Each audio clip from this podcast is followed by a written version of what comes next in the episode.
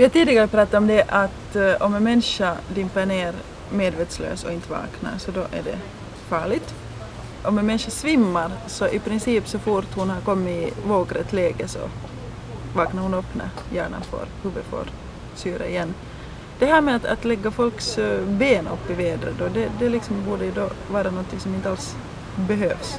No, nu ger det ju mera blod i den centrala cirkulationen, mera blod till hjärta och hjärna. Och, alltså en svimning uppstår ju, ofta har du en provocerande faktor. Du har en situation som man misstänker att det är fråga om en svimning, att, att en beväring står i ett led och, väntar på att någonting ska hända.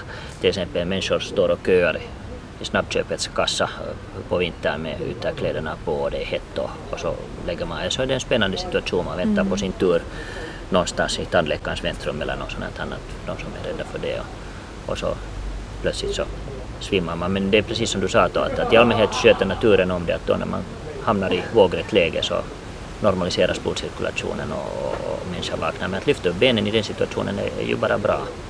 Att, att, att, men vaknar inte patienten på 10-15 sekunder inom det här så då är det ju skäl att misstänka någonting annat. Och vad kan det vara då? Som värst så är det fråga om hjärtstopp. Och vem som helst kan ju i princip få ett hjärtstopp. Mest är det ju ålderstigna människor men, men ibland så är det ju fråga om unga människor. Då har du vissa symptom som, som om du inte är van att känna på pulsen som, som kan få dig att misstänka att det är fråga om en sån här sak. En, en synlig ljudlig andning som inte är normal.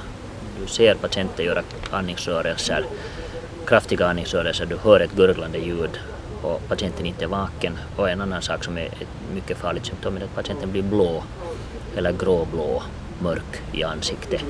Och det, det är något mycket klassiskt i samband med det här. Faktiskt det är skäl att komma ihåg att, att i en alldeles urakut situation om du står bredvid när någon får sitt hjärtstopp så fortsätter andningsrörelserna på den här människan upp till två minuter. Det är vilseledande, mm. som vi talade om tidigare. Mm. Det vill säga, du kan andas trots att hjärtat stannar? Ja, men andningen blir avvikande, inte så som vi andas nu normalt. Man märker inte, man hör inte det, man ser inte.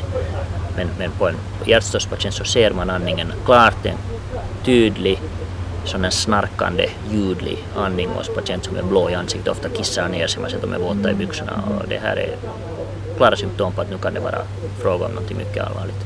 Vad kan det annat vara då när någon faller omkull? No, no, svimning är säkert vanligast och det klarar sig av sig självt. Uh, hjärtstopp är kanske mest sällsynt och, och, och det klarar sig inte utan hjälp överhuvudtaget. Sen däremellan finns ju krampanfall, ett epileptiskt anfall, men, men de ser man ju på patienten att patienten symmetriskt krampar. Krampen räcker ofta en, en minut, upp till en och en halv minut först börjar den med en så kallad tonisk fas där människan ofta drar ihop händerna, kröker, böjer händerna, böjer benen en, en 10 sekunder, 15 sekunder och sen börjar ett sådant vispande, ofta symmetriskt vispande och munnen går och det kan komma fragga ur munnen och, och det här räcker då en minut, en och en halv minut. Då är det fråga om ett epileptiskt anfall. Och, och vad ska man göra då om man står bredvid? Skydda huvudet. Ta i patientens huvud, se till att hon inte slår den mot golvet, marken, gatan var man nu ligger den här patienten. Så om patienten får det i sittande ställning vid ett bord så, så se till att hon inte slår sig. Försök hjälpa ner henne på golvet och håll i huvudet så att inte huvudet slår. Det är det enda. Ingenting i munnen, inga sidolägen, ingenting så länge krampen pågår. Och sen när krampen är slut så lägger man patienten i sidoläge. Och då somnar hon? Han, då är hon medvetslös och, och hon får vara medvetslös flera minuter efter ett krampanfall och det är inget farligt.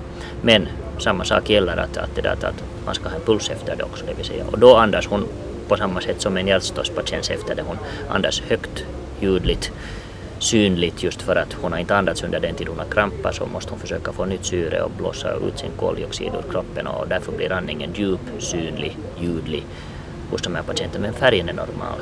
När ska, när ska en epilepsipatient till läkare? Finns det någon Alltid efter det första krampanfallet, om patienten inte vet om att hon har haft ett krampanfall tidigare ska hon alltid in för vård.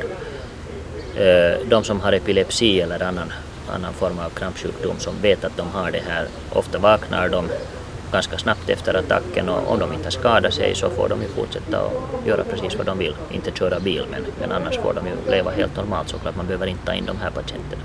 Ett krampanfall som räcker länge, nu är nu är det så att när du står bredvid och ser på en sån här sak så känns ju tiden vansinnigt lång och du har svårt att stå med klockan och titta. Nu har det räckt två minuter och nu har det räckt fyra minuter. de flesta krampanfallen går om av sig själv inom en till två minuter.